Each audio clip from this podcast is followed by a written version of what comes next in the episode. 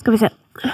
Det er litt sånn rart å si hei eh, når man sitter alene i et studio og ikke vet helt hvem, hvem, jeg sier hei til, på en måte. Men hei til deg som hører på. Jeg heter Kristine, og det er jo jeg som pleier å lede deg gjennom noia. Og nå så titter jeg innom fordi jeg har gode nyheter.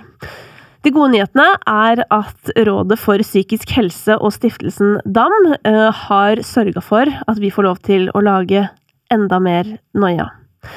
Og denne gangen så skal vi fokusere på noe litt annet, fordi jeg vet ikke om det bare er meg som kjenner på det å være mye aleine for tida. Men eh, det siste året her har det har vekka noen underlige følelser i meg, og det er jeg ganske sikker på at jeg ikke er alene om. Jeg har egentlig alltid tenkt at jeg har likt å være alene. At det liksom er sånn, jeg er sånn som koser meg hjemme aleine, og, og det gjør jeg. Men jeg har ikke kost meg så mye nå som um, aleneheten og isolasjonen har vært pålagt, uh, og ikke noe jeg har valgt selv. Og jeg tenker jo at denne isolasjonen som veldig mange kjenner på nå for tida, kanskje litt ekstra akkurat nå faktisk, uh, ikke bidrar spesielt mye til en bedre psykisk helse. Og det var jo derfor jeg valgte å søke om midler til å lage Noia depresjon. Og nå har vi altså fått muligheten til det, og det er helt fantastisk. Og arbeidet skal begynne veldig, veldig, veldig snart. Så grunnen til at jeg titter innom, er jo selvfølgelig um, både for å dele den gode nyheten, men også for å oppfordre deg som hører på, til å komme med ønsker, både når det kommer til innhold, hvis det er noe sånn spesielt du tenker sånn åh, endelig skal dere snakke om depresjon, og da håper jeg dere dekker liksom dette temaet, eller om du sitter på en historie som du mener er verdt å dele, som du har lyst til å dele, og som du tenker at andre mennesker kan lære noe av.